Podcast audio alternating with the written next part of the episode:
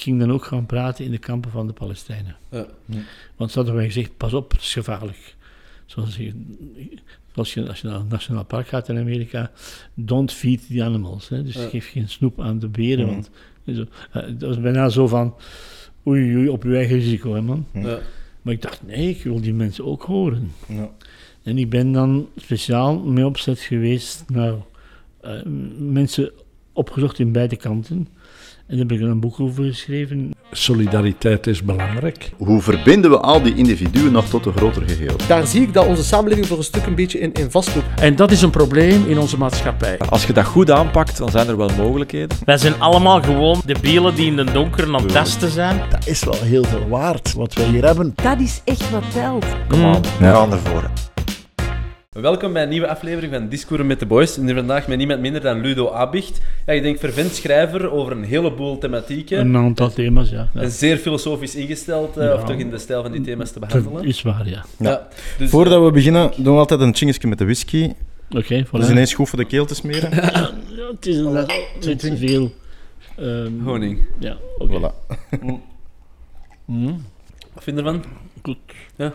ik, ik neem hem gewoon straffer, maar dat is, dat is goed zo. Het is, het is, Ja, maar hoe meer dat je drinkt, het is, nog, straffer. het is nog niet Maar is ook, niet onderschatten, dat is nog steeds 35 procent. Ja, Dat is, ja, dat is toch nog veel. Dus, eh, Ja. nee, nee, maar het is perfect. Ik heb niks tegen. Oké, Oké. goed. Laten we gaan. Zoals Ja. elke keer bij onze podcast kunnen we duizenden en topics behandelen. We hebben natuurlijk wel een aantal, eh, denk ik, die interessant zijn. Misschien, ehm, weet je, gewoon een beetje de, de olifant in de kamer behandelen. De uitgelezen Israël, kans ook. Hè. Palestina. De uitgelezen kans ook. Ja, voilà. Ja. Dus ik denk, ik heb er eigenlijk vrij recent zelfs nog een boek over geschreven. Ik denk, Ja. voordat de thematiek opnieuw geëxplodeerd is, is het natuurlijk altijd wel een... ah, het, het is nooit van, van weg geweest. Goeie zin, Marie. Maar, ehm, maar misschien moet je eens kort zeggen wat je in dat boek hebt beschreven en hoe dat, dat misschien eigenlijk eh, toch vandaag mogelijk mee heeft voorspeld. Allee, dat daar toch wel tendensen Oké, van ik ga daarmee beginnen. Dat boek is ontstaan eh, ja, uit eh, bezorgdheid voor wat daar bezig is. Ik geef daar les over, over die situatie, godsdiensten, politiek enzovoort, Midden-Oosten. Eh, ik ga er ook vaak. Ik heb dus vrienden in Israël en vrienden in Palestina, zelfs in Gaza, als ze nog leven. Goed. In elk geval, ik code niet, maar van op dit ogenblik is alle contact verbroken. Ja, ja. Mm, Dat, goed, maar ehm, ik ging dan vaak spreken, enfin, ik ga vaak spreken over de situatie in allerlei verenigingen enzovoort. En eh, ja, eh, over totaal verschillende groepen. Ja.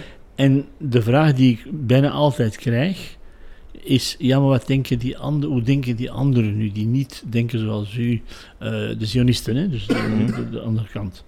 Dan heb ik gezegd: wel, luistert, ik ga ook soms spreken samen met eh, André Gantman. Ja. En dat is een zeer uitgesproken Zionist eh, van Antwerpen. En die ook heel actief is enzovoort. Die zit nu ook op, op media en zo. En ik heb gezegd, goed, dan moet je zijn stem horen. Ofwel komt hij zelf na mij of met mij. Ofwel ehm doe het anders. En we hebben dan gewoon gedurende een paar maanden zoals hier bij jullie. Ja. eh, bij hem thuis, bij mij thuis. En dan hebben we gewoon een aantal thema's genomen. En iedereen mocht zeggen wat hij dacht. Ja. Dus mensen kunnen zelf oordelen. Maar, maar eerder als monologen of ook zo samengebracht wel? Eh, we- de, bo- de poging was een, dialoog, dat is niet gelukt. Nee? Wel, dat is niet gelukt in de zin van, we zullen samen whisky drinken, Ja, een glas wijn drinken, weet ik wat. En we kennen elkaar goed en, eh, en zo. Maar, als het erop aankomt, zegt hij uh, carrément wat hij denkt. Ja. En ik ook dan. Geen ruimte om standpunten te wijzigen. nee, maar en- de ja. mensen dan die dat horen, eh, horen die twee standpunten vaak. Ja. En die kunnen dan zeggen, wel, dat lijkt mij redelijk of niet redelijk. Dus we laten het eigenlijk over aan de lezers. Ja, ja, Maar dan ja. eh Drabbe, die graag zo'n beetje, de, de uitgever van Ersberg, hè, die had graag een beetje controverse natuurlijk. Ik zeg, ja, dat gaat moeilijk, we gaan niet kun- kunstmatig tegen elkaar beginnen Mhm. schelden en zo. Dat is een beetje te gek. Mhm. Eh, laat dan gewoon die twee eh, stemmen, Stemmen. horen. Ja. En dat boek gaat zo, die, je, krijgt een thema, bijvoorbeeld eh, de Zionisten zeggen, ja, we hebben het recht om daar te komen. Ik sta eerder bij de Palestijnen en zegt, ja, niemand heeft hen gevraagd en zo. Mhm. Goed. En dan krijg je de situatie waar dus hij zijn argumenten ontwikkeld. Ik mijn argumenten. Af en toe zijn die argumenten totaal tegenovergesteld. Mhm. Maar de lezer kan zelf oordelen. Ja. Misschien even eh, een, een Ja. klein, een klein mini-pauzemoment. Alhoewel dat woord denk ik wel vrij gekend is, en zionisme of sionist. Maar, eh, maar misschien eh, toch altijd gevaarlijk om soms wat nuances te missen. Wat wil dat woord juist impliceren voor degenen die wat minder... Ja, dat is goed. Dat woord is ontstaan eigenlijk in de 19e eeuw. In de 19e eeuw was het zo dat de Joden langzaamaan burgerrechten kregen in alle nieuwe landen. Enfin, gewoon Europese landen waar democratie onder meer Amerika. En de Joden werden beschouwd als burgers zoals iedereen. Mhm. Maar natuurlijk, niet iedereen zag dat zitten. En de Joden hadden twee nadelen. Dat is ook nog altijd het geval. De Joden zijn mensen die vaak toch wel wat geld hebben, of tenminste connecties met banken en zo. Rothschilds, Oppenheimers, noem maar op. Dat is één ding. En ja, iemand die rijker is dan u en die groter huis heeft dan jij hebt, dat zie je altijd een beetje met eh zeker argwaan. Eh. Hoe komt dat? Ja, jaloezie enzovoort. Dat is één. En ten tweede, eh, Joden hebben... Hun cultuur is vooral woordcultuur. Hun cultuur is eigenlijk om de uitleg, het lezen van de Bijbel, de uitleg van de Bijbel. En ze, ze studeren dat heel hun leven lang en zo, Mhm. eeuwenlang. Dus die mannen zijn zeer goed in dialectiek, in discussie. Mhm. En dus de Joden als intellectuelen, die dan op het moment dat ze mochten naar de universiteit te gaan, direct ja, de goede plaatsen kregen, want ze waren gewoon goed. Ze hadden namelijk dat- die ontwikkeling, Ja. dus niet beeldcultuur, maar wel vooral, niet muziek, maar vooral dat. Oké. En dus, ja, dat zijn twee categorieën die de gewone mensen in het algemeen een beetje wantrouwen. Je hebt de heel rijken, dat is dan sowieso, komt dat die zoveel geld hebben en wij niet, hè. We werken toch allemaal even hard en zo. Dat is het ene. En dan is de Jood als rijke Jood, als bankier. Want niet- De meeste Joden zijn geen bankier. Nee, nee. En dan daarnaast de Joodse intellectueel, dat betekent vaak criticus. Dat betekent vaak iemand die kritisch tegenover de situatie staat. Ik geef twee voorbeelden. De eerste Zionist, in de jaren 1850, was een vriend van Karl Marx, ook een Jood. En die twee Joden, die behandelden eigenlijk de erbarmelijke situatie van de boeren in het Rijnland. Zo is dat begonnen. Dus die boeren, waarom zijn die boeren uitgebuit? En dan begonnen natuurlijk die twee heel slimme gasten begonnen aan te onderzoeken wie, van wie zijn die, eh, is dat land, hoe worden die betaald, enzovoort, enzovoort. Mhm. En hoe, hoe ver worden ze uitgebuit? Enfin, er ontstond dan langzaam een theorie. Marx komt een beetje later. En die krijgt ook de kans om dus in een aantal kranten zijn mening te zeggen, zo goed dat hij natuurlijk moest vluchten voor de toenmalige overheden. En hij is dan naar Parijs gegaan. In Parijs werd hij ook na een tijdje aangehouden, moest hij vluchten naar eh, Brussel. Daar is hij ook maar een paar dagen kunnen blijven, want Mhm. iedereen had hem door. Ze wisten precies wie ze zochten. En dan is hij kunnen met een boot naar Engeland gaan waar hij geleefd heeft dan de rest van zijn leven. Maar goed, dus een intellectueel die kritiek uitbrengt, die, die soms negatieve dingen zegt over wat, wat de situatie is. Eh, en dan tegelijkertijd iemand die vaak of, of connecties heeft met in hun ogen van de mensen met de geldstroom, met Ja. eh, ja, als je, dat is, dus dat is de reden. En dan ontstond een beweging. Ja, maar het is niet gelukt. We krijgen wel emancipatie, we krijgen de rechten, we krijgen alle mogelijke ehm, gelijke ja, eh, statuten en zo. Mhm. Maar we worden niet geliefd, dat is waar. En we worden soms ook vlug beschuldigd van dingen die, ja, als er één Jood betrokken is bij een schandaal, dan gaat men daarop focussen. Ja. Mhm. Dus er waren een aantal Joden, en nu komt een volgende eh, belangrijke Jood aan bod, ook een intellectueel, een zekere Herzl. Ja. En die Herzl, dat was een man van, ja, die komt uit, eh, eigenlijk komt hij uit uh, Tsjechoslowakije, maar goed, die woonde in Wenen. En die zei, oké, dan moeten wij, net zoals al die andere volkeren toen, de Friezen, de Vlamingen, de, de Bretonen, noem maar op, al die volkeren Ja. die wilden autonomie hebben of iets van zelfbestuur, de Ieren, de Schotten, noem maar op. Wij ook. En ehm, dus we kennen dat. En die zegt, wij Joden hebben geen land eigenlijk. Jullie weten waar je naartoe wil. De Schotten weten waar Schotland ligt, de Ieren Ja. waar Ierland ligt. Mhm. Maar waar is het land van de Joden dan? En dan kwam er de dis- discussie tussen de Joden zelf. Dat we zeggen, oh, als we maar een ergens een land krijgen of kunnen bewonen waar we vrij onze eigen... De utopie. Eh, Daar komt, zelfs, ja, dat, is- dat komt inderdaad bij met de utopie, heel dichtbij. En dan gaan we... Ja, ja, dat is juist. En in elk geval zo, eh, dat ze dus zeggen, wij meesten gingen dan toch liever terug naar het land van Zion. Het land eh, van Zion is eigenlijk een berg of een heuvel. Ze noemen dat berg, maar ja, dat is zoals wij de Kattersberg berg noemen. Dat is klein, maar goed. In de was dat een berg van Jeruzalem. En de berg Zion staat voor Jeruzalem. Jeruzalem staat dan symbolisch voor ja, het, eh, het vroegere rijk. Dat is veel overdreven, eh, mooi en, vrij vinden en, zo. Dat is niet waar, maar goed, dat is altijd met een illusie.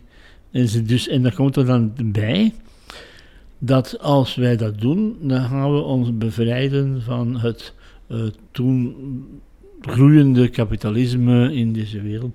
En dan wouden ze dus beginnen met terug naar het land te gaan, met hun handen de, de aarde Ja. bewerken. En dan begonnen ze met die kibbutzen, die eigenlijk anarchistische experimenten waren. En, ehm, ja, en dat is gelukt met de hulp van zeer veel buitenstaanders, Engeland, Frankrijk enzovoort, Mhm. later Amerika. Het enige probleem was, geen, als er nu niemand zou gewoond hebben in die streek, of weinig mensen of zo, Mhm. een beetje kamelen en wat, wat Bedouinen, dan zou je zeggen, ja, dat gaat nog, maar het was een vol bewoond land dat exporteerde. Dus Jaffa-vruchten bijvoorbeeld, dat is van Ja. de Palestijnen, dat hebben ze overgenomen natuurlijk. En dus, plotseling hebben ze dus, eh, staan ze voor een land waar dus duizenden dorpen waren en steden. Met meestal niet-Joden, met Palestijnen die christen waren of moslim of, of iets anders, druzen. Mhm. Ja, en dat begon natuurlijk, het conflict is van het begin duidelijk. Hè. Ja. Als, het, als, als zij er, daar wonen en dan er komen binnen zeggen dat is van ons, Ja, aha, zo werkt het niet. Nee, en- en ja. we, zitten altijd met het probleem. Mm, mm, mm. Oké. Heel kort, hè. Ja, nee, nee, nee, nee, maar dat is- dat is leuk. dat Dat is- is om, om eens een, een beetje een Ja, bredere uiteenzetting En dat te zal geen krijgen. enkele zionist on, allee, tegenspreken. Ja. En misschien ook Ja. heel even nog interessant, hè, want niet elke Jood is eh ja, zionistisch, om het zo te zeggen, eh, maar omgedraaid eh, per definitie wel. Wat onderscheidt zeg maar, die twee categoriseringen? Integendeel, de meeste Joden waren helemaal niet sionistisch. Ja. Om, om een goede reden. Ja, om, om twee goede redenen. Ten eerste, de meeste Joden in West-Europa begonnen langzaamaan hun plaats te vinden. Ze werden de eerste minister in Engeland, ze werden generaal eh, hier, eh, ze werden enfin, in- eh, lid van, van de regering. Ja. Ehm, sorry, stichters van de vakbond in Nederland en zo. Dus we begonnen echt Deel te nemen aan Ja. het maatschappelijk leven. dus die zeggen, we blijven hier. Goed, we moeten zorgen dat we hier onze rechten kunnen verdedigen. Dat is één groep. En dat was ook waar. En de andere groep die zei, ja maar, eh, wij zijn voor vrome Joden. En vrome Joden volgen de Bijbel, de Torah, de Bijbel. Mhm. In de Torah staat dat de Joden ooit, vlak voor het einde der tijden, dus dat is wanneer dat komt, weet geen mens, Ja. alleen God. Goed, en dus op het einde der tijden zullen alle Joden geroepen worden door God om terug te keren naar het land van oorsprong, dus het land van herkomst. Nu goed, ehm, als je dan kijkt naar de stichters van het Zionisme, eh, Golda Meir, eh Herzl en noem, noem maar op, al die anderen, Begin, van al die anderen die we kennen, dat waren allemaal bijna atheïsten. Mhm. En zoals je weet, de Joden hebben een zeer vorm van een humor die niet iedereen waardeert, maar die ik wel waardeer, ik vind die wel geestig. Die zeggen ten eerste, God bestaat nu. Dat weet toch iedereen. En ten tweede, hij heeft ons heilig land gegeven. Ja, wat is het mee? Hm. Dus dat soort humor. Ja, ja. En eh, dus, met andere woorden, zij gebruikten het verlangen van de vrome Joden van, eh, naar een terugkeer naar het heilige Ja. land op het einde der tijden. Want bij Pasen, Pesach dus, eh, het brood komt ervan, hè, vieren de Joden, dus eh groot feest, de overgang enzovoort, door de Rode Zee, de, de, de bevrijding uit Egypte, al die zaken. En op het einde van die lange plechtigheid van een hele dag zeggen ze, vandaag bidden we en vereren we u in ballingschap, dus overal. Hm. Morgen, volgend jaar in Jeruzalem. Dus met andere woorden zit er een element in van verlangen naar de e- eindtijd. Ja, ja. Goed, als je een vrome Jood bent en je hebt Joden die helemaal niet gelovig zijn, die niet geloven in God, die atheïst zijn en van alles, ehm, die in de naam van God zo'n beweging leiden, oprichten, dat is godslastering. Mhm. Dus voor veel Joden, vroeger zeker, waren de, de meerderheid van de Joden, ook in Nederland, ook bij ons, ook in, in Oost-Europa, waren die Zionisten eigenlijk godslasteraars. Hm. En dat is dan verandert natuurlijk naarmate de, ja, we komen dan terecht, hè, dat is het gesticht einde van de 19e eeuw, dan komen de twee oorlogen en de, de, de jodenvervolging, hè, de Shoah, de holocaust. En langzaamaan beginnen de joden te zeggen, ja, we moeten toch een veilig land hebben waar wij veilig zijn en waar het nooit meer kan gebeuren. Mhm. Dus het is een evolutie geweest. Ja. Ja. Maar het is begonnen als een beweging van seculiere Joden die vonden dat ze net zoals de, al de anderen ook recht hadden op een eigen staat. Oké. En ehm, misschien nog één vraag. En dan Sorry we- dat ik... eh, Nee, nee, nee, nee, nee, maar ik. Zeg maar. Ehm, misschien nog één vraag. Ja, voor, voor mij, ik ben iets minder vertrouwd met de term. Ik ken hem wel in de, in de bredere, gewone culturele kennis, maar iets minder eh, specifiek met begrip. Maar ik ken het woord aan zich ook wel, waar vaak toch ook wel een beetje een mysterieuzere sfeer rondhangt. Is dat waar of niet waar? Ja, dat is waar. Eh, Je moet denken... Ik ga toch even terug moeten gaan. Ja. De, de, de Joden hebben drie sets van heilige boeken. Mhm. De christenen hebben de Bijbel. En dan de commentaren, maar die commentaren zijn niet heilig. Want eh, niet, niet door God gedicteerd of zo, door de paus geschreven, door eh, de priesters aangepast en zo. Maar goed, Ja. de Joden hebben drie sets. De Bijbel, Mhm. die wij kennen, we noemen dat het Oude Testament. Natuurlijk, een Jood mag dat niet zeggen, want dat zou betekenen dat zijn, dat zijn boek niet meer geldig is. Hè. Mhm. Wij zien dat als een, wij, wij bedoel de christenen zien het als een voorloper van de echte Bijbel, namelijk na Jezus. Maar goed, dus je hebt de Bijbel, door God geïnspireerd. Dan heb je de commentaren, de Talmud heet dat, die ze bestuderen in detail. En dat zijn dan commentaren uit te leggen, en mag dat wel, mag dat niet. Al de spijswetten worden dan dingen, mag je whisky drinken? Ja, is een goede reden voor. Maar ik bedoel, los van het feit dat het smaakt. Ja. Maar je mag dan, dan zeggen, mag je niet drinken of niet eten. Ja, vrij... Wij Strikt. strikt en zo. En die volgen dat ook. Dus dat zijn de Talmudregels. En dan heb je nog eens de, de, de Joodse mystiek. Mhm. Elke godsdienst heeft mystieke momenten. Hè? Ja. Dat zijn momenten van mensen die een inspiratie krijgen direct van God. Eh, bij ons, voorbeeld, het heeft altijd met seksueel... Allee, eh, dat heet niet zo, maar in mijn ogen toch wel. Het zijn altijd toch vaak mannen of vrouwen die s'nachts in hun bed een revelatie krijgen. Christus komt in bed van Sint-Lucardis bij ons. Ja. Ja, dat is toch nogal, nogal direct, hè? Mhm. Zo, Aan zich wel, ja. ja, ja. ik kan het niet zomaar zeggen, maar dat is toch een heilige en die heeft dan dingen gehoord van. En zo altijd, die mystiekers zijn zo'n beetje. Ja, mensen die zeggen wij hebben de echte waarheid, de diepere waarheid. ja, ja. Dat wordt ook vaak wat dogmatisch. Hè? En ja, je moet man zijn, dat valt nog mee voor jullie. Je moet 40 zijn, dat valt ongeveer mee, nog te jong. Sorry, sorry. Ja, en je moet de toestemming krijgen van de rabbijn, want anders mag je dat niet lezen. Want dat staat vol dingen, geheimen. natuurlijk, omdat men dat niet kent, denkt men dat er daar toverspreuken in staan, waar je goud kan, allee, dingen in goud veranderen. Dat is nog niet waar. Ja, ja. Maar goed, maar die mystieke kant Ja. is er altijd bij geweest. Ja.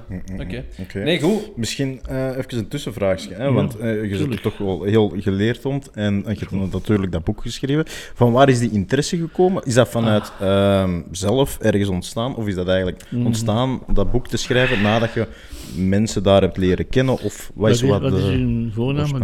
Arno, Arno, Ja. zoals de zangers. Eh, Ja, met met een O. O, ja. Maar dat is zoals de zanger. Arno is mijn Ja, naam. ja. Ah, ja. Nou, ik ben een stendenaar, dus ik zal hem wel Ja, kennen. ja, ja, ja, ja. Arno.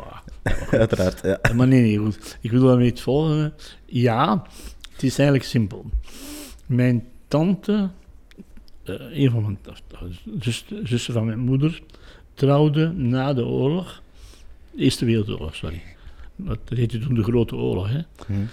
Trouwde met een eh, Jood uit Parijs. Eh, die Jood was Marokinier, dus lederbewerker. Die kwam van Marokko, van de Marokinier. Maar die kwamen eigenlijk, en dat is de geschiedenis die hebben we op papier, die, komt eigenlijk uit de, die was eigenlijk gevlucht uit Italië. En vroeger kwamen die van On- Constantinopel, dus Istanbul. Dus die moeten, gingen mee met waar ze konden leven, waar ze aanvaard waren. En die zijn eigenlijk allemaal verdreven door de Spaanse katholieke koningen in 1492. Dus er zijn dan Joden in Spanje vervolgd. En dan heel veel zijn gevlucht naar Constantinopel en Amsterdam. Mhm. Waar ze dus ja, goede zakenmensen waren. Hè. En eh, via Italië is die familie gekomen in Parijs. En die familie, dat zijn mijn neven en nichten. Dus ik wist tijdens de oorlog, geboren in 36, dat betekent, ik was vier jaar oud toen de oorlog begon.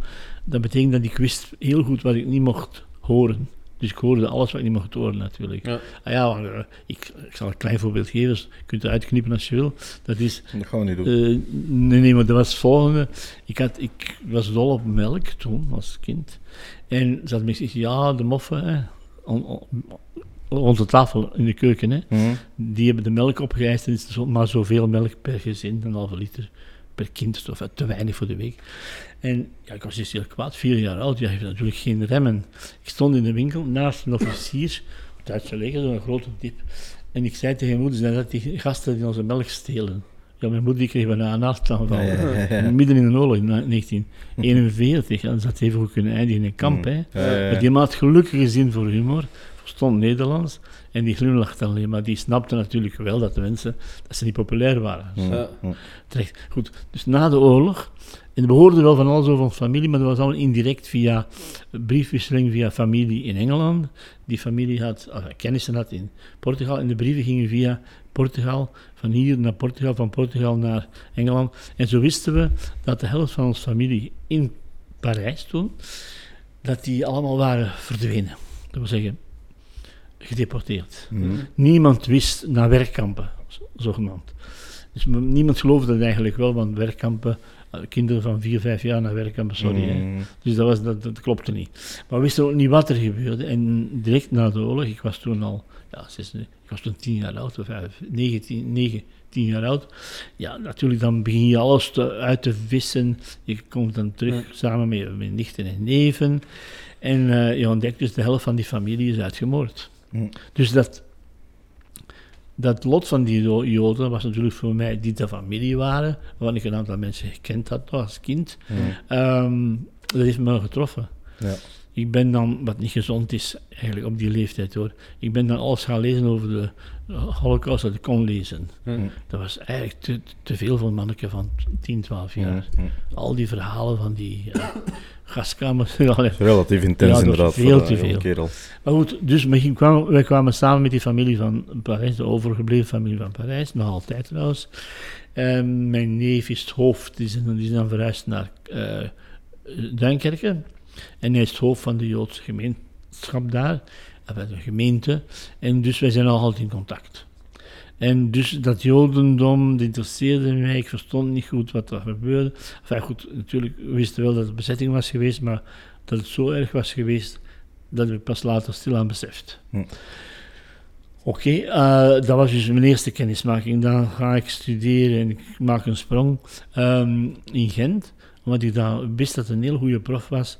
Ik was gefascineerd, nou, op die leeftijd als tiener, door Kafka. Kafka, eh, Kafka schrijft zodanig goed dat je als tiener dat snapt. Hè. Mhm.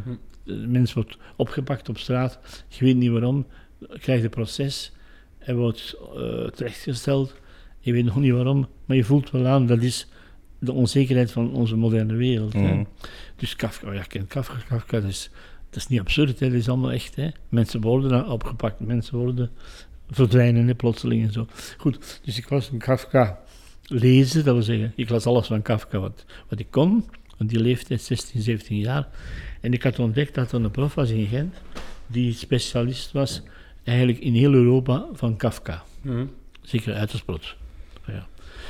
Eh, die Uitersprot die gaf les in Gent. En ik ben direct gaan, eh, ik heb me direct ingeschreven, ik ga bij u studeren, punt. Mm. Dus ik heb daar dan over Kafka en andere mensen natuurlijk gestudeerd. En ehm dan zat ik dus weer met Joden bezig, want Kafka is ook een Jood. Ja. En, ehm, en dan, door die interesse voor Jodendom, ben ik dan beginnen nadenken. De mensen die hier nu rond ons zijn, die zijn die rare gasten met hun hoge hoeden en die krullen en zo, Mhm. hebkrullen enzovoort. En die een, een taal, eh, dus, eh, dat, dat Jiddisch spreken enzovoort. Van die in Antwerpen. Eh, ik wou er meer over weten. En wat gebeurt er? Ehm, ik zoek boeken over Joden in Antwerpen, maar ik vind alleen één boek in Frans dat goed is, maar dat eigenlijk ja, meer een studie is, geleerde studie, een Ja. bronnenstudie. Ja. Maar ik wou een boekje hebben die mij zou zeggen, en ook de lezers, Ja. wie zijn die mensen, hoe denken die, eh, wat die zijn overkomen, wat is de relatie met de niet-Joden. En ik schrijf een boekje Eh, er was, wat, die, die, die, naam zegt jullie niks meer, maar er was in een tijd een journalist, een onafhankelijk denkende journalist, die eigenlijk zijn eigen uitgeverijtje had, Mark Hmm. Grammes, zegt dat iets? Nee. Dat was de uitgever van De Nieuwe, een, een maandblad toen, een weekblad. Weekblad. Ja. En ik kom hem tegen en die zegt, eh, die zegt eh, wil je niet iets schrijven voor mij, voor mijn uitgeverij? Ik zeg, ja, wat? En zei, waar ben je mee bezig? Ik zeg, ja, ik geef nu voordrachten eh, in elke rik en zo, hè, die, die, die, in die kringen, Hm? in de vakbonden enzovoort. Eh, Over Jodendom, Joden van Antwerpen. En hij zegt, ja, ja, heb je mailmateriaal? Ik zeg, "Maar ik heb toch een halve mappen liggen, interviews en zo. ja. En hij zegt, waarom schrijf je niet een boekje over de Joden? Ja. En ik doe dat. En weet je wat er gebeurt? Eh, We zijn zo'n klein land. Hè? Als je een boekje schrijft, eh, dan ben je een specialist. Ja. Dan ben je ineens een, een autoriteit. Mm. Ik was dat helemaal niet. Ja. Ik wist wel veel over waar ze vandaan kwamen, hoe ze aten, waarom ze dat aten, eh, en zulke dingen allemaal. Ja. Maar je wordt dan weer gevraagd door andere kringen, zoals de vrouw voor, weet ik wat, van, ja, die, die fameuze, een groep van vrouwen van Leuven, die allemaal diploma's hebben, maar die komen dan speciaal samen met honderden hoor. En dus die Oké. culturele kringen. Ja. Zwart, en ik ben dan beginnen, ehm, ja, twee, drie jaar, ja, als ze mij vroegen waarom niet, ging ik dan spreken over de Jodendom. En zo eigenlijk altijd Zo een beetje erin gerold en per ongeluk altijd ingebleven. Ja, ja, en ik Ja. ben daarin en ik vertel dus over de Joden en dit en dat, vooral over de Joodse geschiedenis en de Joodse cultuur en zelfs Joodse humor, die ik trouwens heel geestig vind. En ehm, dan kreeg ik de vraag, bijna regelmatig van de mensen in de zaal, want ze mochten dan vragen stellen natuurlijk. Ehm, ja, dat is allemaal goed en wel, dat is wel een mooi verhaal. Maar wat doen ze ginder met de Palestijnen? Ja. Mhm, mhm. ja, dat is ook een goede vraag. Ja, voilà, dat brengt ons misschien iets meer bij het hier en daar. En ja, ja, en toen zei ik, daar weet ik echt heel weinig van. Ja. Dat is ook zo. En dan dacht ik, dat klopt niet. Er is, iets- er is daar iets dat niet klopt. Ja. Ik moet dat gaan... Allee, dus dan ben ik gewoon naar Ginder gegaan. Ja. Ik ben dan gaan spreken met Joden die ik kende, Welke familie. tijdsperiode ongeveer? Dat was ehm ja 80. Ah, ja, En 80. hoe lang bent je daar Ja, ik ben daar een paar keer, eh, zo'n een half jaar, een half. Ja. Maar alles samen ben ik daar nu 25 keer geweest. Voor Ja. Ah, ja, ja. nogal, alleen, echt eh, periodes Dan die kun ik je al een kader rondmaken. hè. Ja, ja, en ik ken die mensen en, enzovoort. En in het begin was dat nieuw voor mij, dus ik ging speciaal en naar de, naar de kibbutz, hè, dus die Joden zaten die, die, zo die, die droom hadden van een nieuwe wereld en zo. Ik ging ook spreken met natuurlijk, ja, dat was niet moeilijk in, in Is- Israël, overleefde van de holocaust natuurlijk. Soms met mijn familie die daar ook woont. En, eh, en, dan ook, en dan deed ik iets wat ik niet mocht doen. Ik ging dan ook gaan praten in de kampen van de Palestijnen. Ja. Want ze hadden mij gezegd, pas op, het is gevaarlijk. Zoals je, als je, als je naar een nationaal park gaat in Amerika, don't feed the animals. Hè? Dus Ja. geef geen snoep aan de beren. Mhm. Want, zo, dat was bijna zo van, oei, oei, op je eigen risico, hè, man. Ja. Maar ik dacht, nee, ik wil die mensen ook horen. Ja. En ik ben dan speciaal mee opzet geweest naar eh, mensen opgezocht in beide kanten. En daar heb ik er een boek over geschreven, in 89 geloof ik. En de titel zegt, was heel naïef hoor, de titel was naïef. Dat is namelijk Mensen in Israël en Palestina, waarbij ik twee keer zondigde. Want ja, iedereen beschouwt de ander als mens daar. Ja. Nog altijd niet.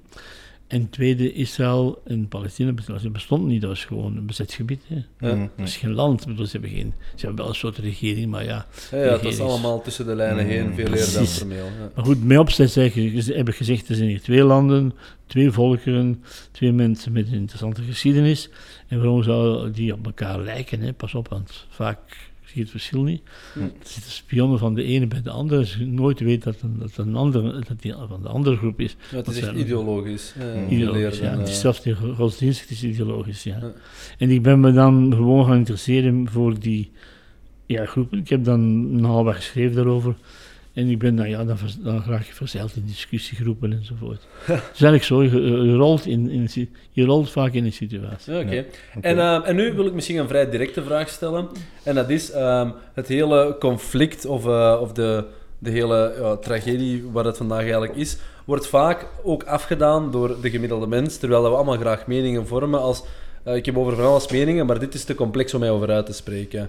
Mhm. Maar misschien met iets meer eh, ja, background dat u hebt, is er eigenlijk een analyse te maken over, ehm, ja, niet per se wie heeft er nu gelijk, maar gewoon, eh, hoe moet ik het zeggen, wie is er nu juist of fout? En wat is juist of fout? Dat is een zeer complexe vraag. Mm. Maar ik wil maar gewoon zeggen, ku- kunt je wat toelichten, zodat eigenlijk het is te complex, niet meer als argument kan gebruikt worden om toch te snappen hoe de situatie is. Natuurlijk in een bepaalde samenvatting wel, want alle nuances gaan we niet kunnen behandelen. Maar... Nee, nee. Maar wel dat ze allebei in de grond van de zaak gelijk hebben. Oké. Ik bedoel daarmee, de Palestijnen hebben gelijk. Wij wonen daar al eeuwen, Mhm. sinds de middeleeuwen. Het is een, het eh, we hebben daar dat land op. Natuurlijk, dat is, een, dat is geen eh, modern Europees of, of Amerikaans land, maar het is wel een land waar men eh, bijvoorbeeld citrusvruchten, eh, wijn en olie exporteerde. Hè? Dus als je exporteert, betekent dat je daar al meer produceert Ja. dan je nodig hebt. Ja. Een land dat redelijk welvarend was, maar niet onafhankelijk. Dat is een land waar dat afhing van het Ottomaanse Rijk, hè, de Mm. Turken. En de Palestijnen zeggen, ja, wij wonen hier, we zijn volop bezig. We zijn ook bezig met onze kinderen te laten studeren in het buitenland en zo. Mm. Wat ze heel vaak doen, nog altijd, als ze kunnen. En ehm, dus ze waren volop bezig met zich eigenlijk te ontwikkelen. Het was het land met het meeste, eh, het hoogste aantal diploma's en mensen met, met, alleen met, met het, Eh, per capita. eh, Dus ja, heel, precies. heel edu educationeel. Ja, toen al. Hè, dus voor de Joden kwamen. Hm. En dan, eh, dus eh, ja, zeggen zij, waarom zouden zij ons land afpakken? Dat is, dat is al zo lang van ons geweest. Mhm. Het is natuurlijk wel waar dat er ooit Joden waren, maar er waren nog andere groepen voordien. Mhm. Allee, het is een beetje alsof ik zou... Er was niet echt een settlement eerder. Nee, nee, voor de nee, nee, Palestijnen. Ja, en iedereen kan wel een eikingspunt Palestijn waren, Palestijnen zijn er altijd geweest. Allee, vanaf, Ja. vanaf de, vanaf de mm, vroege middeleeuwen, of eigenlijk vroeger nog. Eh, de, Joden zijn verdreven door de Romeinen, omdat de Joden de grootste allee, opstand hebben gepleegd tegen de Romeinen. Maar goed, anderen waren er ook. Mhm. En die zijn verwant en die hebben nooit veel dingen gemaakt, want allebei aanvaarden dezelfde God. De God Allah is Yahweh. Ja. Allebei hebben ze een set van heilige boeken, namelijk. eh, en allebei op een aantal punten komen overeen. Eh, het is een patriarchale maatschappij, ze hebben spijswetten. Enfin, goed. Op een heleboel punten eh, zijn de Arabieren en de Joden heel dicht bij elkaar. Dus de moslims. Oké, dan heb je de Joden. En wat zeggen de Joden? Als je met een Zionist praat, ja, de Joden zeggen: kijk, wij waren hier eerst. Ja. Dat is relatief, maar ze waren hier ook Mhm. vroeger, toen er nog eigenlijk niet sprake was van, van een Palestijns bewustzijn.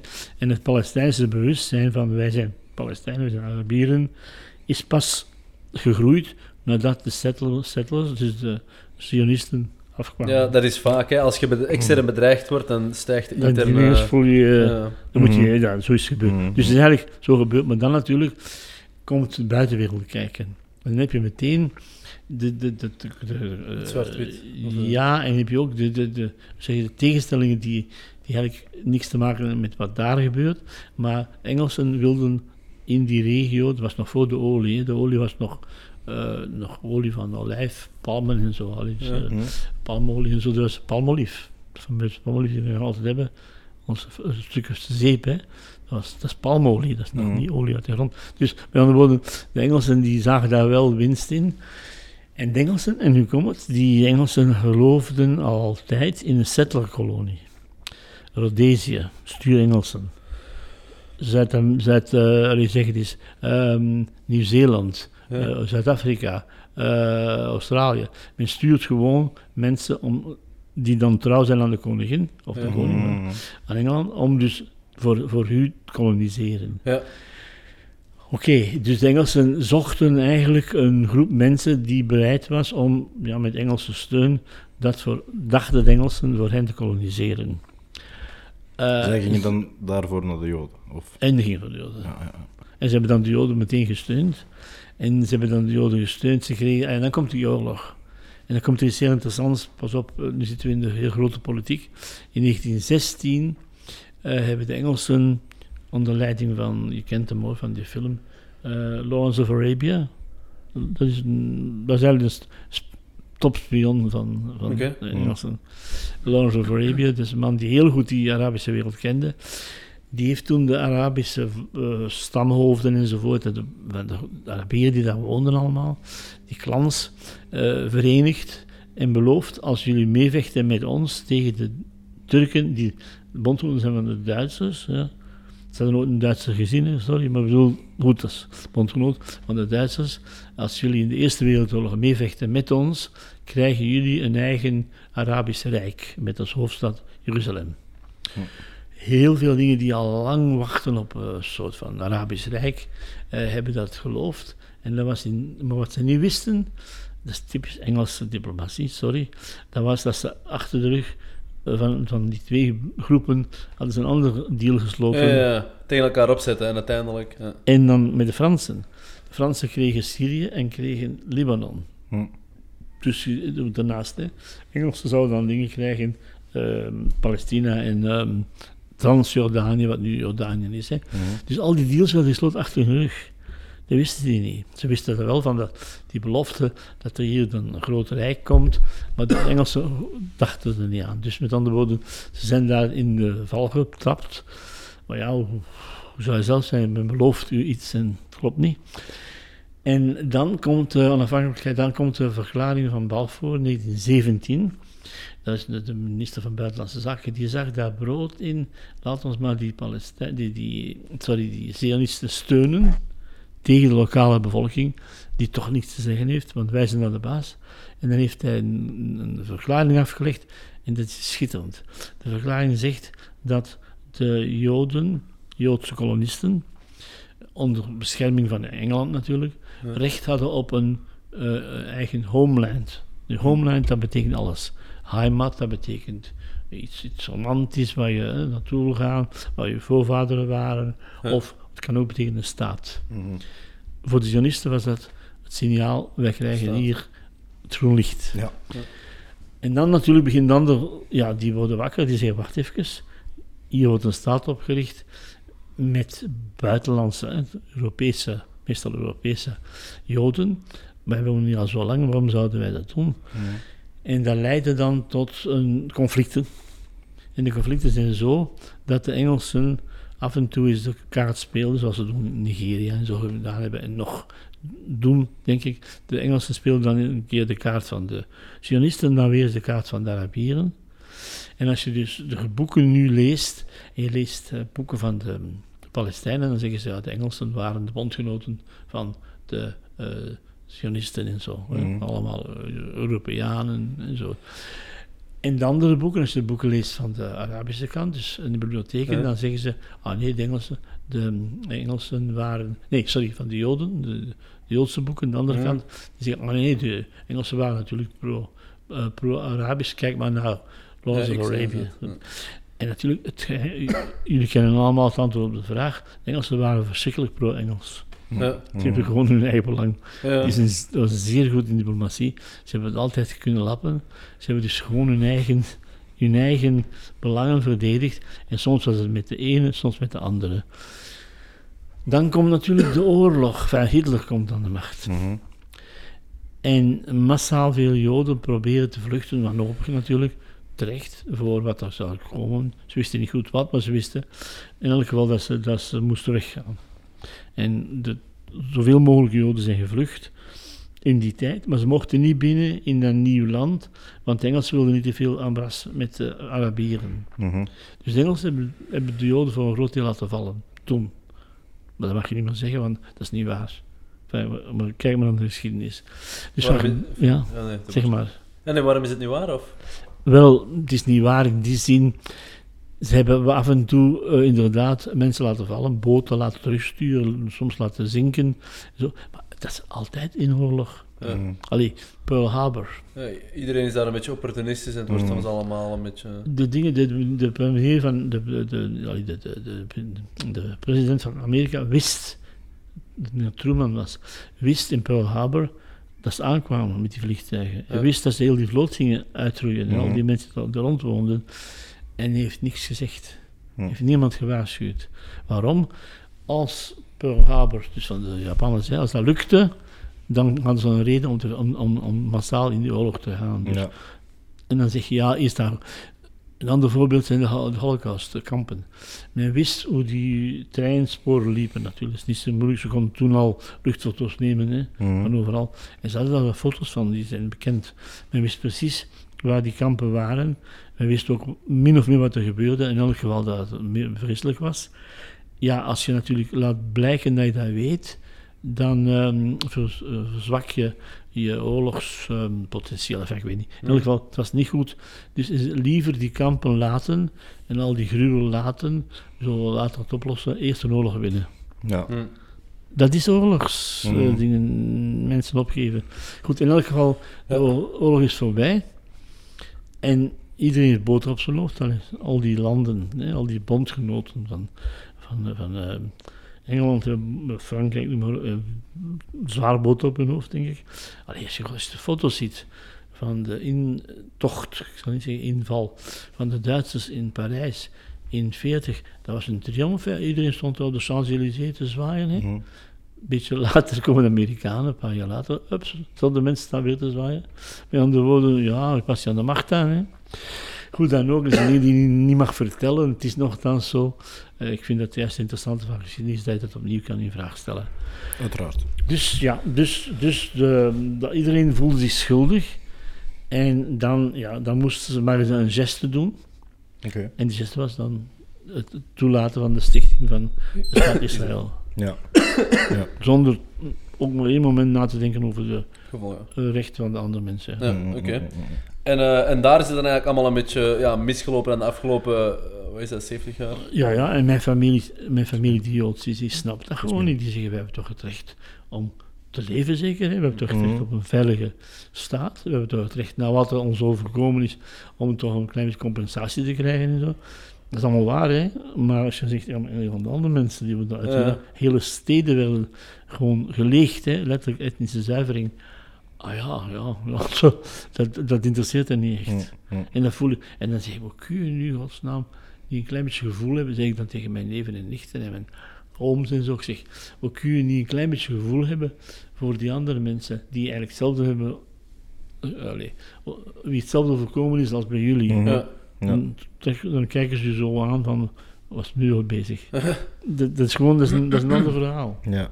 En dus krijg je situatie dat men een land bezet tegen de wil van de bevolking. En dat moet je natuurlijk met geweld doen.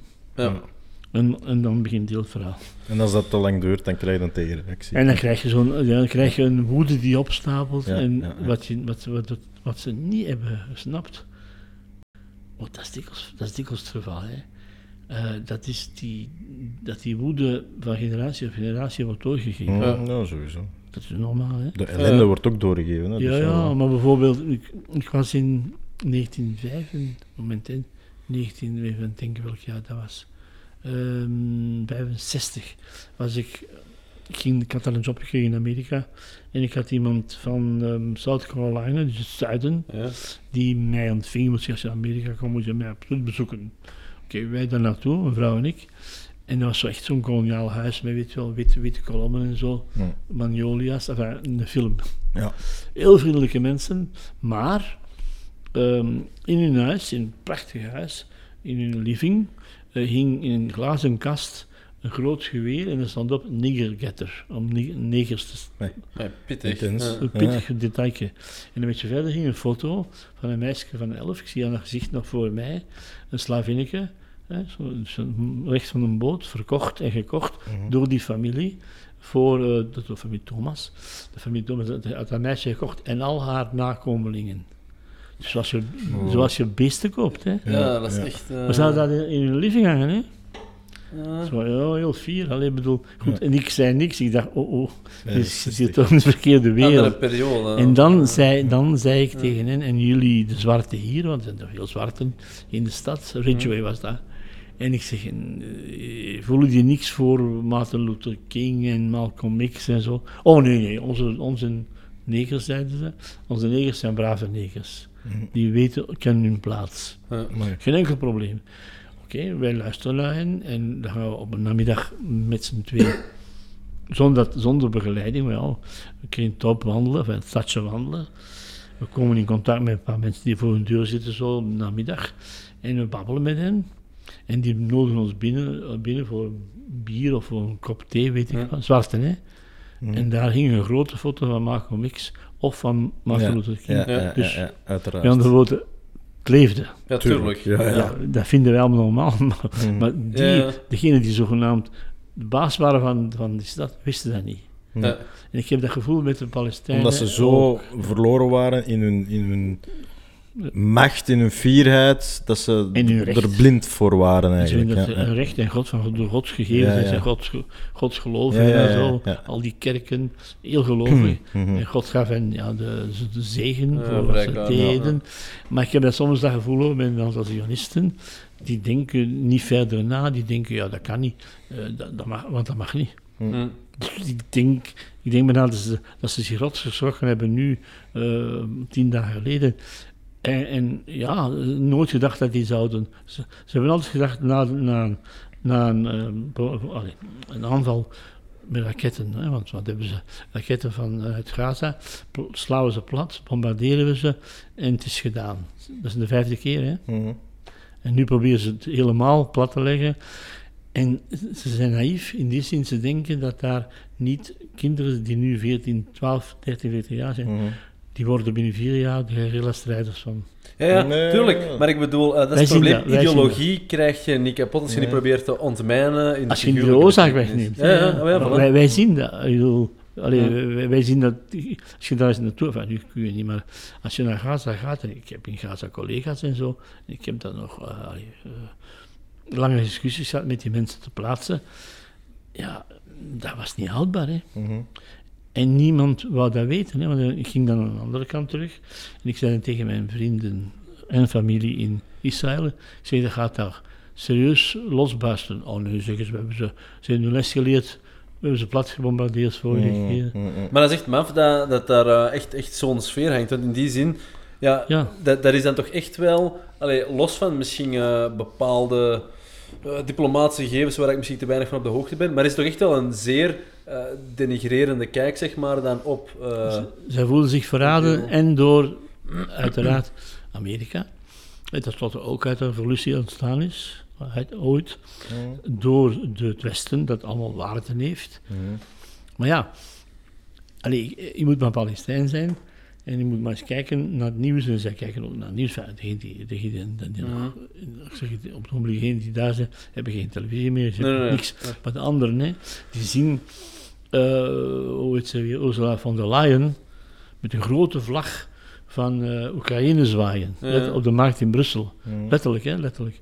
En waarop ze zegt, en we moeten absoluut vechten tegen Ja, de bezetter. volkeren die tegen bezetting. ja, ja, ja. En nu is het omgedraaid. En dan, eh, en dan zeg je, en die, en die Ursula von der Leyen die steunt totaal wat er gebeurt hè, Hmm. vanuit Israël. Ja. Dus dan zeggen de Palestijnen, eh, jij, bent, jij bent niet eerlijk. Je bent, Twee maten eh, twee gewicht. Ja, ja. Ja. Ook En zo zie je opportunistisch. voortdurend, ja, allee, voortdurend onze leiders die dan ineens compleet. ah ja, het mooiste voorbeeld voor mij is dan heel dichtbij, Volksgenie, N-VA. Hm. Volksgenie was voor de bevrijding van volkeren en zo, goed, hè? de Ba- Basken, de Ieren, de, no, prachtig.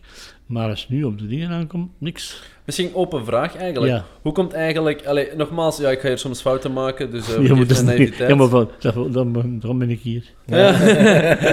Als je geen fout zou maken, dan moet je gewoon zelf doen. Ja, eh, maar dus uiteindelijk, als we het eh, heel simplistisch bekijken, en zou je wel kunnen zeggen inderdaad, er woonden mensen, andere mensen hadden het gevoel dat ze recht daar hebben te wonen, wie dat ook gelijk heeft. Maar uiteindelijk bezetten ze wel een bestaand land. Tuurlijk. Hoe komt eigenlijk, of, of wat is uw analyse, dat de Europese Unie vandaag zeg maar, de kaart eigenlijk trekt van de bezetter, wat inderdaad een beetje contradictorisch staat op ons eigen onze waarden, onze waarden, omdat wij voor een groot deel geen eigen politieke, buitenlandspolitiek hebben, Europa, tot nu toe.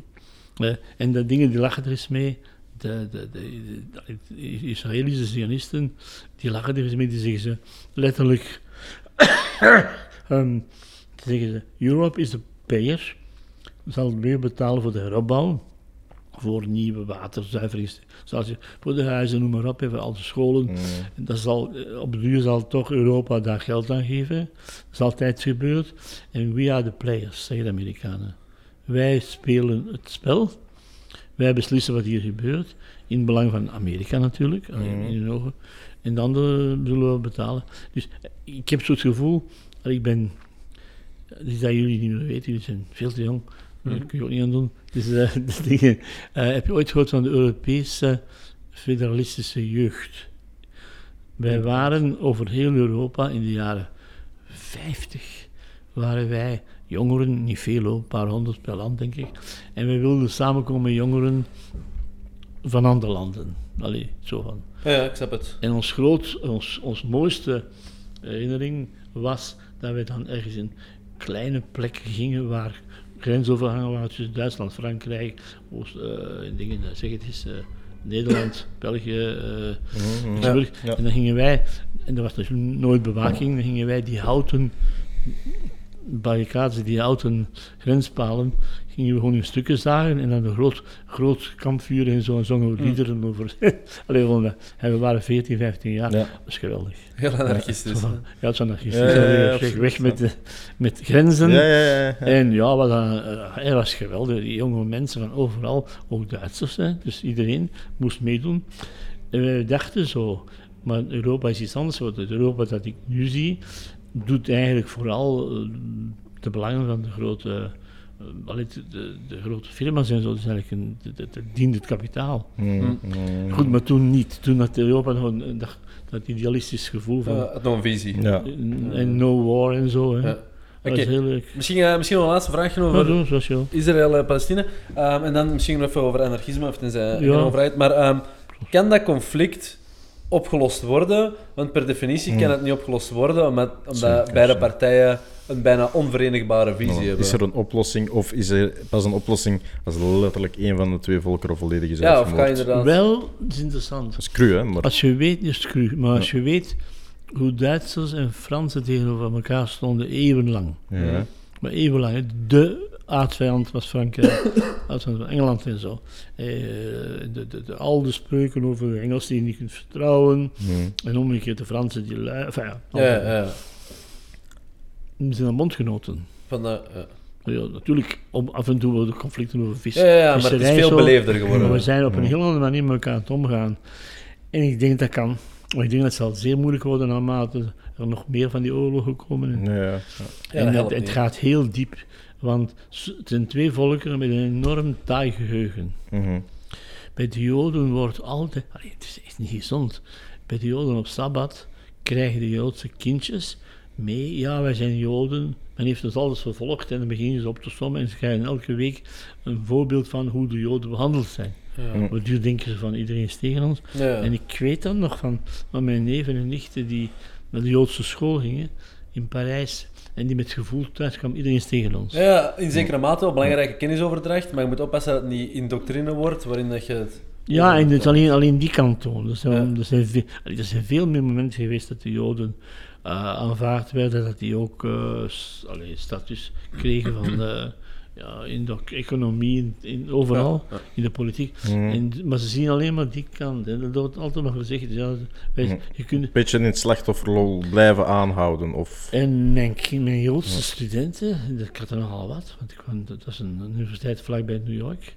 Enfin, vlakbij, eh, duizend mijl, maar we, we, de ons dat vlakbij. Zo. We gingen dan s'avonds naar, naar een theatervoorstelling daar, s'nachts terugrijden, s'morgens les volgen en geven. Dus dat was Amerikaanse dingen. Maar dat is never trust a boy, a goy. Nooit een ehm, niet-Joods vertrouwen. Dus een niet-Jood is altijd wel uit op... eh, en natuurlijk, dat is, als je zo begint te denken, Mhm.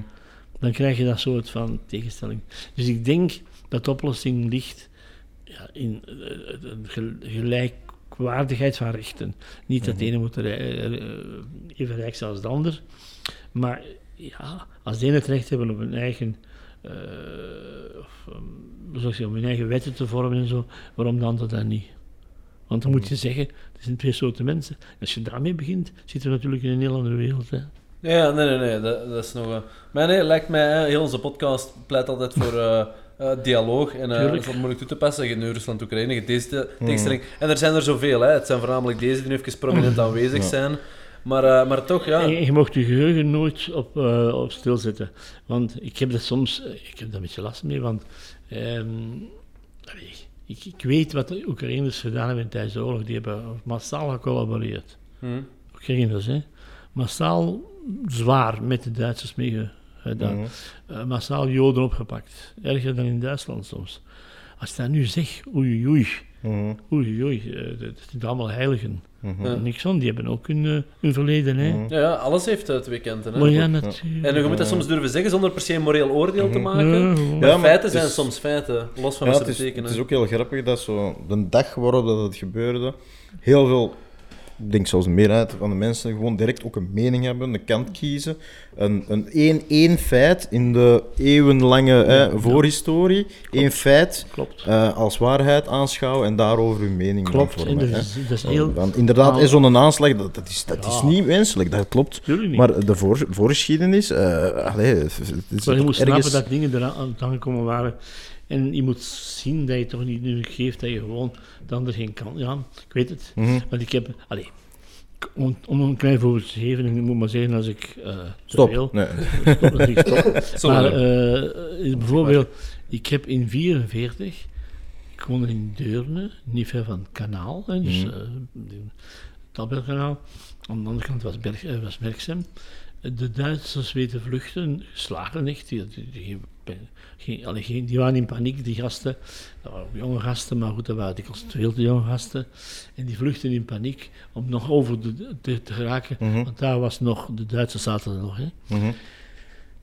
Mensen in de vensters, mijn buren, ja, ik weet zelfs wel wie, letterlijk, ik kan de namen noemen. Ineens hadden die wapens, ik weet niet die wapens hadden.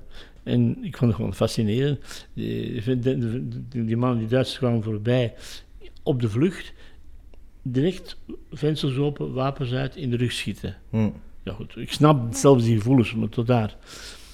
Ik kom in Jenin, de, de week dat de Israëli's onder kamp, eh, onder Oslo-akkoorden weggaan, in Jenin, grote stad. Die kregen bloemen en die kregen van die zoete, weet wel, baklava's en zo, van, de, van de mensen. Allee, dat was zo een totaal andere sfeer. Mhm. Ik heb dat nog nooit meegemaakt. Ik dacht, ja, dat is dus toch de vijand, hè? de vijand vertrekt hier. Stap, eh, allee, schop nog maar eens na. Nee, er was zo'n blijheid, zowel bij die soldaten als bij de bevolking. Ja. Eindelijk, eindelijk. Voilà, ons eigen- de- ja, De niet- ellende gaat voorbij, want ja, maar dus, dus er zit aan het is, het is niet omdat wil. ze... Ja, Allee, er was, er was een goede wil, Ja. ik zal het zo zeggen. voilà, het, dat hangt ook inderdaad. en Je nu ga je krijgt- dat weer... mensen krijgen dat bevel van hoger op, maar hè, het is niet elke soldaat is hetzelfde. Hè. Ah, Die kan daar ook niet mee akkoord zijn. Maar ja, hè, je zit zo ver in dat schuitje en je moet, maar je kunt misschien jarenlang hè, tijdens die oorlog wel overeen zijn gekomen van oké, Ja. en in het beste gelijk hè, in die Ja. winkel dat jij zei als vierjarig Ja, jongetje, ja, ja, ik ja. zie hem en die lacht en ja, het is, het is wat Gelukkig het is, maar, een beetje. dat- hè, ja. Voilà. want als hij, als hij er niet mee ingaat, dan, dan Ja. staat zijn leven op spel. Het moest, hè. het, Voilà. het moest een SS'er geweest zijn, dat is anders. Hè, natuurlijk. Direct, dat, dat, dan, verraad, hè, verraad. Ja, ja, en dan ja. zeg je, hoe waar haalt dat mannetje die gedachte? Ja, ja, ja, en dan waren mijn ouders daaraan. Hè. Ja, ja, uiteraard. Ik heb twee ja. keer de Voor onze deur zien staan. Dat is akelig. Want mijn vader, eh, mijn vader was niet zo politiek. Ik bedoel, was, was een zakenman, een commerçant, zoals ze in Antwerpen Mhm. zeggen. Maar eh, we hadden wel geholpen via de buren om twee eh, piloten wat geld en kleren te geven die dus neergeschoten waren op, op de Erla daar. Dus in, in, vlak in Merksem was er dus een grote eh feindelijke Luftwaffe, even zoiets, kan, Mhm. kanonnen. En daar regelmatig zagen wij s'nachts hoe ze dus bepaalde piloten uit de lucht schoten en zo. Sommigen overleefden het. Die, die, die vielen dan in het donker, hè, want ja, die ja. stralen gingen- naar boven. Ze konden die niet meer zien. En die werden vaak gered en die werden ze mm, via schepen van visserschepen en zo.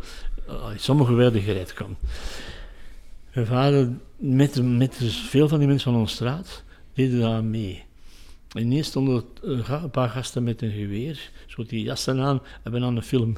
Mhm. Ja, nu, zie- nu zie ik dat als een film, maar toen zag Ja, ja, maar dat Ja, zijn wel maar beelden ho- ho- dat, dat u bijblijven nu natuurlijk. zie ik Heroes, hè. Ja. Maar allee, ik ken, kent het toch nog, zo die jas, die leren Ja, ja, jassen. ja, ja, Ja, ja, die hadden zo'n jassen aan. Ja, ja. En die stonden daar heel grimmig. En dat waren dus, ja, dat waren Gestapo, hè, dat is, Mm. daar lach je niet mee, hè. Twee keer. Mm. En ze hebben hem niet meegepakt. En ehm één keer dachten ze dat we Joods waren, maar we- ze wisten dat we Joodse familie hadden. Die mannen zijn niet dom. En dus, eh, waarom zouden wij geen Joden zijn? Die naam is, eh, het, is, het is niet van de heuvel, het is niet Nee, nee, Verstrepen. ja, ja, ja. Nee, nee, nee. Ehm, maar enfin, goed, we hebben toen kunnen overtuigen dat ze zich vergist hadden. Maar potverdorie, het was heel dichtbij hoor. Ja, ja of hetzelfde geld. Hey, als ze met Ja. een slechter bui had geweest, Oh, oh. Of, of ze moesten zoveel mannen, eh, mensen vangen per... per Ja, kan ook, quota's hè. niet Ja, halen, ja, hoe goed dat dat ook klinkt. En nee, de, de, de broer van een van onze buren, dat was een Duitse vrouw, maar die was getrouwd in de jaren 20, ja. Toen was er geen vuist aan de lucht, dat is nog voor de oorlog. Eh, na de oorlog, bedoel... Ja, ja, na de eerste, maar ja, ja, maar dat was eh, nou, bondgenoten. Hè. En die man was officier, die broer was officier, en die was dus eh, gelegen in Antwerpen. In 42 komt hij binnen bij zijn zus, twee huizen van bij ons, letterlijk twee huizen Mhm. verder. En ehm, die, ehm, die, die liep naar het toilet en die begon te kotsen. Die had voor de eerste keer gezien wat, hoe ze Joden hadden opgepakt. En dat nooit geloofd. Dat was geen nazi, hè. Dat was een Duitse officier. En die had nooit geloofd dat wij Duitsers zoiets zouden doen. Ja. Hij had er wel over vertellen en zo, maar hij dacht, nee, dat is propaganda van de vijand. Hm. Maar je had het gezien, die fameuze vrachtwagens, kinderen daarin, vrouwen daar, mannen daar. En, en hij was zo ziek als iets van de situatie. Dus dat zijn ook mensen, hè. Mhm. Hm, absoluut. Maar dat kun je nu vertellen en jullie zeggen, oké, maar als ik dat toen zou vertellen, Nee, nee, nee. oh, Ja, dat is kettering. Ja, ja. ja, dat mocht niet, hè. Ja, nee, nee, Dat was nee. geen goede Duits, dat was geen Nee. goede dingen. Ja, altijd hetzelfde, hè. Nee, nee, maar, eh, maar dat is altijd, hè, hoe verder weg van een moment, hoe meer dat je dat vaak terug kunt bekijken. Hoe dichter erop, hoe meer dat het leeft. En, eh, ja, en, en vaak zijn ze al dood, hè. dat is het probleem. Hè. Ja. Is, enfin, goed. Nee, Nee, nee, nee, ja, we zijn zelfs al bijna richting einde. Ja, maar, eh, absoluut, maar- misschien om niet ongevoelig te zijn en toch eh, misschien ook nog eh, Ja, ja. andere thematiek te behandelen. Of, Gaan we het nog over anarchisme ja, hebben? misschien oh, in het kort, maar... oké, ja, want dit jij was wel een, vraagt? een, een zware trip down the memory lane, maar dat wel is tof. Ehm, ja, misschien gewoon even in het kort dan Is dat nog. een toffe memory lane? Ja, nee. nee ja. ja, ja. Misschien nog even in het kort dan, hè, over anarchisme, want het boeit mij ook wel. Ehm, de serie Sons of Anarchy, ik weet niet of dat je ze Ja, hebt ja, ja, gezien. Heel oké, tof serie, motorrijders. Ja. Ehm, maar voilà, misschien ook, ook dat daar even down memory lane gaan. Hè, de, de term anarchisme, wat is echt een oorsprong? Hè? Want heel veel mensen linken het aan shit in brand steken. Ja, ja, en, en, maar dat is het niet eigenlijk. Hè. Het gaat meer over vrijheid van het individu. Tuurlijk. Maar misschien Ja, daar precies. even een korte... Wel, ja, het komt, het heeft alles te maken met mijn ja, ontwikkeling. Mhm. En dat, eh, dat zie je natuurlijk pas achteraf. Dat is altijd bewust. Hè. Ehm, ik begon in het Saverius College, Borgerhout. Mhm. Maar we hadden een paar sociale paters. Mensen die ons eh, over de armen en zo. Van dus. En ook over de. Die waren al zeer kritisch tegenover de Congo. En die, die waren al anti, eigenlijk anti-koloniaal zonder te weten, die paters. Die hadden zelf meegemaakt, die zeggen dat klopt daar niet. Dus, en toen, de periode dat ik net daar was, 52, 54, de laatste periode, was de periode van de priesterarbeiders. Mhm. Dat waren mensen die dus gingen werken in de fabriek. Die werden lid van de vakbond natuurlijk, ah ja. En, Mhm. eh, en die, die zetten zich in voor de arbeidersklasse. En dat was toen mm, mijn ideaal, zo die combinatie van dat sociale met dat missionarisch nog. Hè. Goed. En ik, ik ben daarin geweest en ik ben zelfs zes jaar bij de Jesuiten geweest met het idee van priesterarbeider te worden. Dat was mijn idee. Oké. Ik heb dan gemerkt dat de Jesuiten niet zo sociaal waren als ze eruit zagen, al niet allemaal. Dat het niet zo simpel was. Trouwens, de paus had toen, Pius XII, die heel rechts, eh, rechts was, die had toen de, de priesterarbeiders verboden. Dus was, die weg was weg voor mij. Ik begin ook zo vragen te stellen over dat geloof. Ik wist niet Hmm. goed. Niet met seksualiteit, want we hadden een, een pater die los handjes had, maar die lieten bij, die, die, die vermeden we. Ja. Ja. Dus ja, een pater die heeft een turnleraar, je hebt er van, je hebt er een soort. Hè. Maar dat was niet, Oké, ja. nee, nee, toen, toen was dat voor ons niet zo'n probleem. Oké. Mhm. We vermeden die gewoon. Ja. Oké. Maar we wisten natuurlijk niet wat voor een omvang dat had in die kloosters Oh ja, en, ja. en dan die internaten en zo. Dus Mhm. ja, ik ben, mijn ogen zijn opengegaan. Jongens. Maar goed, dus ik, ik ga daar weg. En eh, ik was dus al zeer sociaal actief. Dus word ik, ja, eh, eh, sluit ik aan bij de vakbond. Ik, ik was uiteraard aan lesgeven. En ik, ik denk, socialist, het een beetje, allee, hoe zou ik zeggen, lauw, lauw, warm en koud. Mhm. Dat vond ik, ik vond ze een klein beetje te veel met het systeem mee gingen doen. Nog altijd trouwens. Dat denk, nou, dat denk ik nog altijd. Maar goed, tot daar. En dan ben ik lid van de KP, communist, communist geworden. En dan ben ik heel lang in de communistische partij geweest. Maar wat mij altijd stoorde, zowel bij de socialisten als bij de communisten, En dan, mijn vrienden waren dan in de RAL, de, de, de, de trotskisten, of bij de Amada, dan nu PvdA. Vond ik altijd het raar, er waren altijd een paar leiders die beslisten voor het volk. Mhm, mhm. Altijd. In al die bewegingen was er, was er iemand Macht die... is altijd gecentreerd. hè. Ja, altijd, van bovenaf.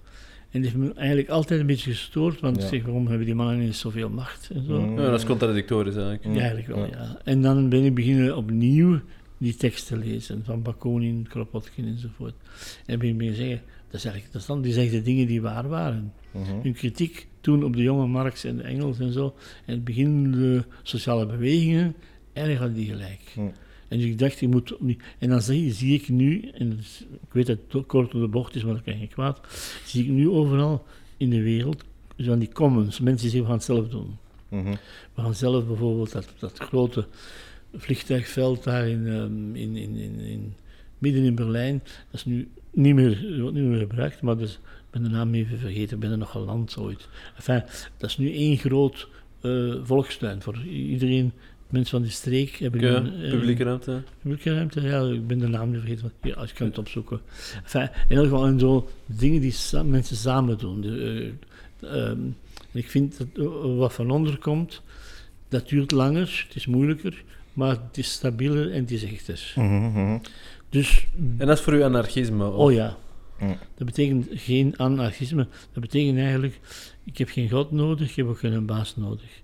Want als je dus de dingen, eh, het internationale, hè, ehm, dat zegt eh, eh, in het Frans, dan, enfin, dat is een hele tekst, niet Dieu, niet César, niet tribun. Niet Dieu, dat is duidelijk, geen, geen geloof, dat is niet moeilijk. Niet César, dat betekent geen staat. Hè, Mhm. Niet tribun, geen vakbondsmilitant die u zegt moet doen. Mhm. Ja. Ik, ik moet nu Dat net was- even denken, ja. om het heel even eh, actueler te trekken, maar helaas heb ik het echt maar in, in, maar in flarden zien voorbij komen, dus ik Mhm. heb er te weinig kennis over. Maar eh, nu zeg ik toch dat hij, in- waarschijnlijk is dat altijd en is dat nu weer even een trend, maar eh, dat er in Nederland eh, een opkomst is van meer autonome burgers. Ja. Wat eigenlijk een klein Ja. beetje, als ik grof mag zijn, Ja. Valt onder het concept dat je zegt. gaat er dichtbij. Maar, ja. maar ik zou toch wel zeggen dat dat ja, weinig werkend is voor het hedendaagse leven, of dat dat... Het hangt ervan af, ik bedoel daarmee... Het bevindt zich toch echt wel in een, in een soort van meer marginaal kader. Het zijn toch de extreme dan echt wel Het is bevindt? nog zo, ja, maar ik denk dat het... Ja, dat klopt. Maar ik denk dat het komt omdat wij allemaal een beetje geïndoctrineerd zijn, eeuw- eh, generaties lang. Ik denk dat het moet kunnen. Nee, ik heb dat niet nodig. Ik bedoel, een, een staat moet dienen voor... Maar, maar ik, snap, ik, snap, ik snap de nood aan kerntaken en dat er vandaag een pittige overreach is. Hè? Dus daar ben ik het 100% mee eens. Ja, ja. Maar dat is dan misschien weer het andere extreem. Langs de andere kant, ik bedoel, al die normen die we proberen te creëren, naar hoe dat we onze samenleving structureren, ook infrastructuur en zo, ik denk dat dat allemaal wel goed is, maar je moet altijd oppassen tot waar bent je letterlijk ja, van mensen een onderdeel van het systeem aan het maken versus het systeem dat werkt voor die mensen. Hè? Dus Dat is een, goede dat is een heel goede samenvatting, dat is juist. Maar goed, dus, daar moet je op letten. Maar het zou kunnen zijn. Er zijn voorbeelden. Bijvoorbeeld, er, er ehm, in één land, ik heb het nu niet in mijn boek staat het, ehm eh, boeren die zelf beginnen zijn hun bananen te plukken en te kisten en te verschepen. En die, hebben- die hebben die Amerikaanse firma's buiten gegooid. Het gaat perfect. Mhm. Ze hebben die nodig, die, die roomden de winst af. Hè. Mhm. En, eh, dus dat kan. Ja. Maar je moet wel mensen hebben die weten wat ze doen. Mhm. En je moet oppassen, natuurlijk, anarchisme is het gevaar dat er, dat er mensen zijn die misschien profiteren van de onwetendheid van de groep en dan toch Ja, macht want nemen. anarchisme dat succesvol is, zou automatisch terug worden wat we nu zijn. Want ook macht zou daar centreren. Je zou toch ook weer een aantal lijnen En- moeten zetten. En ja. per definitie zou het zijn eigen ondermijnen. Het is niet simpel, maar in mijn beroep is dat makkelijker. Ik bedoel, ik, ik, ik ga ervan uit dat mijn studenten zelf zaken lezen, Mhm. dat ze zelf eh, hun eigen mening vormen. Mhm. En dat ik niet zeg, ik heb een, een mening die klaar ligt en ik zal alles toetsen aan, Ja, ja. aan die mening. Ik heb die niet. Nee, maar anarchie ligt ook meer dichter hè, tegen het kantje van chaos, waar dat eigenlijk de maatschappij nu niet naar evolueert. We gaan evolueren meer naar controle en, en veil, onder de definitie noemer van veiligheid. voeden? Maar zodanig... Ah, wel, het wordt daardoor gevoed, inderdaad, omdat de maatschappij eigenlijk evolueert naar het, het controlestaat Mhm. of het controleorgaan, gaat natuurlijk de anarchistische beweging meer en meer aan, aan, aan rijkdom winnen ook. Ja, hè, en- en als, je merkt- als tegenreactie. Je merkt Ja, eerste dus tendensen al, hè, wel, waarin ja. dat mensen uiteindelijk vandaag zeggen van hoe representatief is democratie voor u. Ja. En je ziet dat de eerste twijfelsignalen beginnen ontstaan. Wat niet Klopt, per se klopt. zegt dat mensen eh Ja. wantrouwig staan ten aanzien van alles en zeggen geen staat, maar je voelt toch wel een, een, een frictie of een Mhm. verschuiving in dat evenwicht van eh, is dit dan die democratie? En het is ook zelf, vertrouwen in jezelf.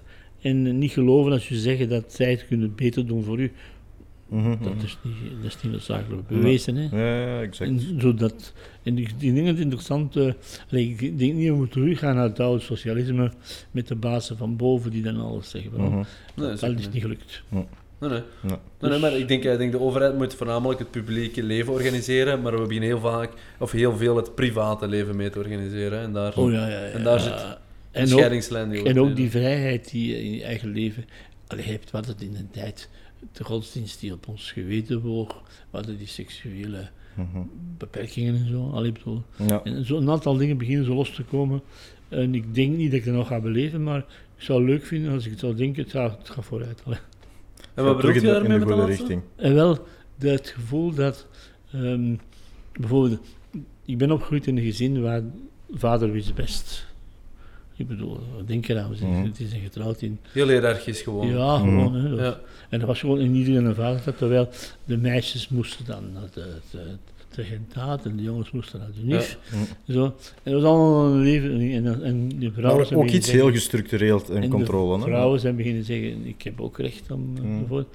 En ik zie zo'n zo'n evolutie. En ik denk dat men met dat soort opgeleide meisjes niet meer dezelfde soort van eh huwelijksstructuren en Nee, machtsverhoudingen. maar, maar in die zin evolueert het zeker wel positief en doet democratie Ja, ja. zeker wel haar ding. Mhm. Iedereen is wel gedemocratie- eh, gedemocratiseerd hier, waarmee dat ik bedoel dat iedereen er toch wel in slaagt om meer en meer eigen rechten te hebben en toch wel het leven zelf te organiseren. Zij het binnen een staatsstructuur die zich wel iets meer begint te moeien. ja, maar maar ja, en dan is de vraag natuurlijk in hoeverre we die straatstructuur nodig hebben. hè. Ik bedoel, Ja, ik ben wel pro, maar Een stuk.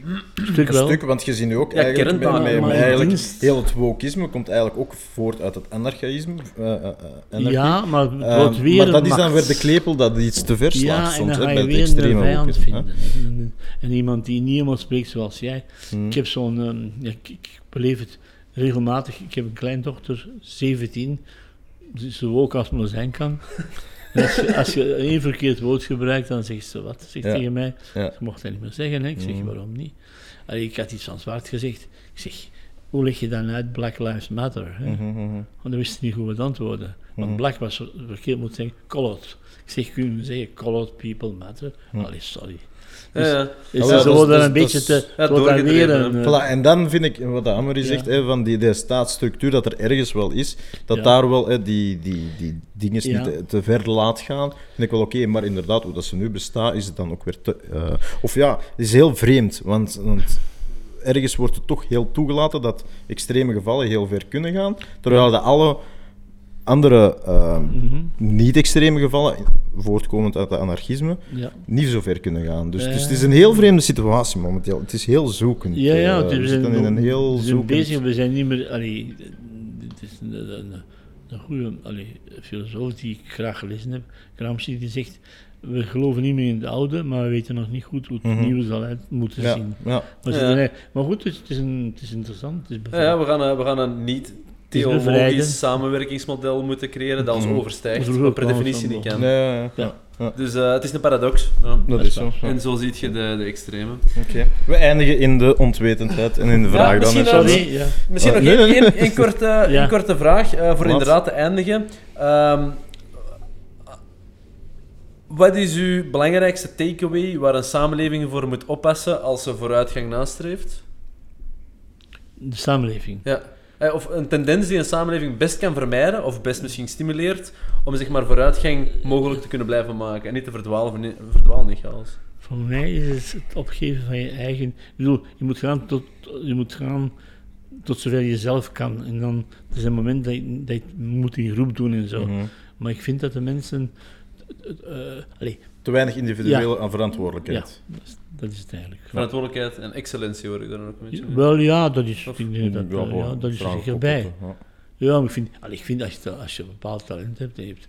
Ik heb geen talent voor balletdanseres, ik zal het nooit proberen. You never know, hè. Nou, maar ik, ik bedoel, ik wil zeggen... Je kunt vandaag proberen. mopje, Ja, straks. Dus ik wil alleen maar zeggen dat eh, mensen geven te vlug op, vind ik. Ja, nee, nee, nee, nee, absoluut. Ja, we zijn veel te soft geworden. Absoluut, Ja, ja. 100%. absoluut. En soms zeg je nee, dit kan Ja. niet. Te Allee. lui, te... Ja, onze cultuur is veel te ja. lief. Heel dicht bij, bij hier, Lint. Ja, Ja, ja. Ja, dat was, ben ik opgegroeid. Ja, wel, er is ooit een plan geweest om daar, een, misschien is het er al, een asielcentrum te hebben. Ik weet niet of het er niet is. Ja, dat kan. Dat is een plan. Het blok, toen nog, dit toen nog blok, heeft toen zwaar geprotesteerd. En je wilde niet dat die dochters op straat komen s'avonds en al die Mm, mm, mm. verkrachters. en zo, zo, zo. Dan heeft de bond van de vrouwen, de, de vrouwenbond, dat toen Mm. anders, de katholieke vrouwenbond. Eh, die heel, heel brave huismoeders, hè, die hebben gezegd, dit is niet, niet, niet christelijk, punt. Vanuit, alleen vanuit hun standpunt. hè. Welke is niet Chris? Oh, De reactie wel, van Blok eh, of de- de, die? Ja, de Jackson van Blok, die had Ja. over een brief gezegd, je moet, Ja. moet, moet die mensen buiten Ja, laten. ja, ja, ja. Ja. En die hebben toen de bevolking eigenlijk aangesproken op hun oude waarden, die voor hen de juiste waren. En toen die vrouwenactie heeft, heeft toen, is toen gelukt. Nou ja. Dus af en toe komt er van de mensen iets zo van zeggen, hey, oké. En als, als je gewoon bezit, dan zit, zou wel iemand voor mij doen. Mhm. Ja, dan Dat gebeurt, gaat niet nee, gebeuren. dan, dan gebeurt er niks, absoluut. Oké, Lino, goed. complex gesprek. Maar, eh, maar Dus, dank, eh, dank voor uw tijd. Nee, maar het was heel tof, zo'n beetje de geschied- geschiedenis in duiken. Hè. Dat is altijd interessant. 100%. wel ja. En eh, ja, ik zou zeggen, normaal gezien sluit altijd even met veel succes, en zeker bij jou ook, maar ik denk op 87-jarige leeftijd ben Ja. je eigenlijk... ik ben nog bezig. ja. ik heb nog plannen. Ik zou nu nog willen eigenlijk ja, ja, twee dingen doen. Allee, twee, nog veel dingen doen, maar ik bedoel, Ja. twee dingen dus produceren. Ik zou willen nog eens... eh, ik ben begonnen met eh, poëzie en ik zou nog eens een goede bundel willen. Ik heb, bepaald, ik heb ze wel liggen, maar ik zou eens willen serieus een dichtbundel schrijven. Oké. ja, werken daar rond. Ja, ja, tuurlijk. En tweede, eh, ik zou eens willen tijd nemen om eens één of twee of drie, niet meer, een beetje in de, in de wereld van die anarchistische commons-projecten te volgen. Oké. En, ehm, en gewoon met die mensen een tijdje te zijn. Ik, ken die mensen wel, maar ik bedoel, te- te gewoon te wonen en, en te zien hoe het werkt. Die En daar iets over te schrijven. Ja. Oké, Oké. super Dat interessant. is ook dat, dat is, Ja. Oké, veel succes Voilà. Ja. met die projecten. Inderdaad. En rest. En, eh, En dank heel voor veel bedankt voor, eh, voor uw tijd vandaag. ja, Het maar interessant. blij dat het gebeurt. Hè. Voilà, super. Oké, merci. Alright, En, merci, eh, Kislido. tot snel. hè. Bye.